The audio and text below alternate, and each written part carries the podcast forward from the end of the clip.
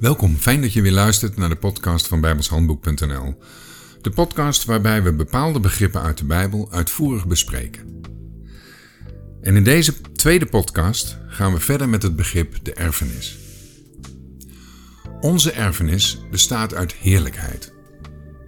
Eh, dat is natuurlijk een tamelijk vage kreet.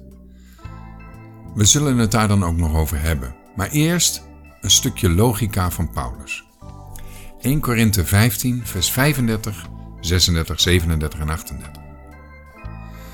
Maar zal iemand zeggen: Hoe zullen de doden opgewekt worden? En met hoedanig een lichaam zullen zij komen? Gij dwaas, hetgeen gij zaait, wordt niet levend, tenzij dat het gestorven is.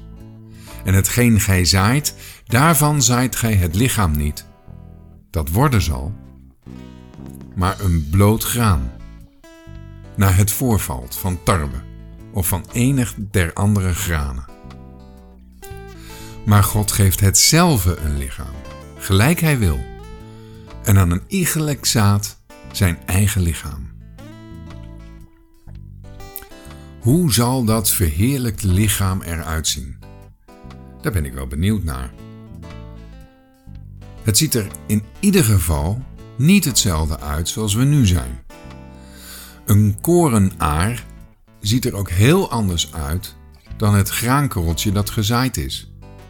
Die graankorrel heeft niet zelf de kracht in zich om te groeien.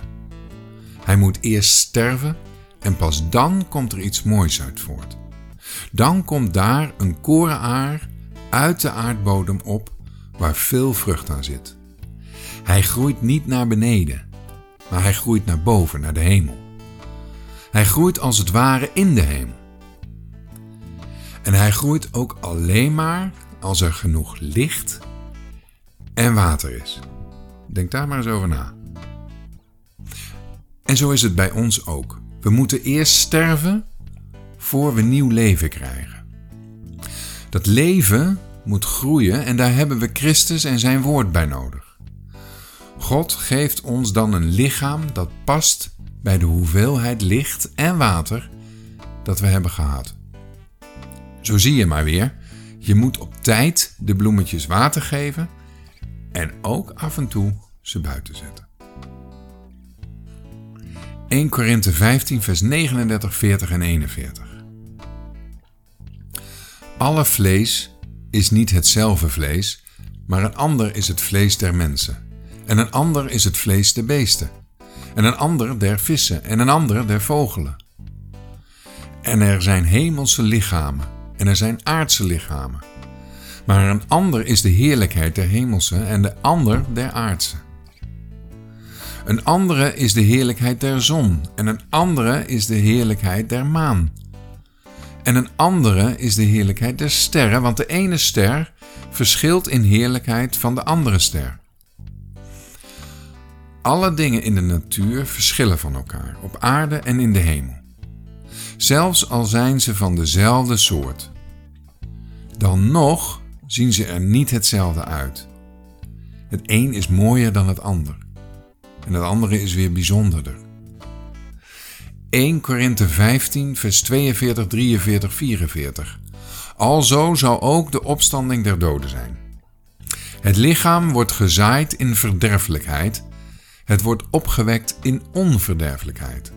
Het wordt gezaaid in oneer, het wordt opgewekt in heerlijkheid. Het wordt gezaaid in zwakheid, het wordt opgewekt in kracht. Een natuurlijk lichaam wordt er gezaaid een geestelijk lichaam wordt er opgewekt. Kortom, voor de natuurlijke mens ziet het er slecht uit.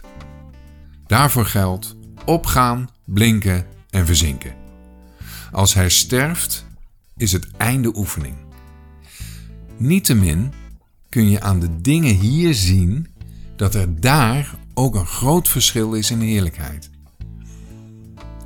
om een ander Bijbels beeld te gebruiken, de een zal naakt zijn, de ander gekleed en weer een ander overgekleed.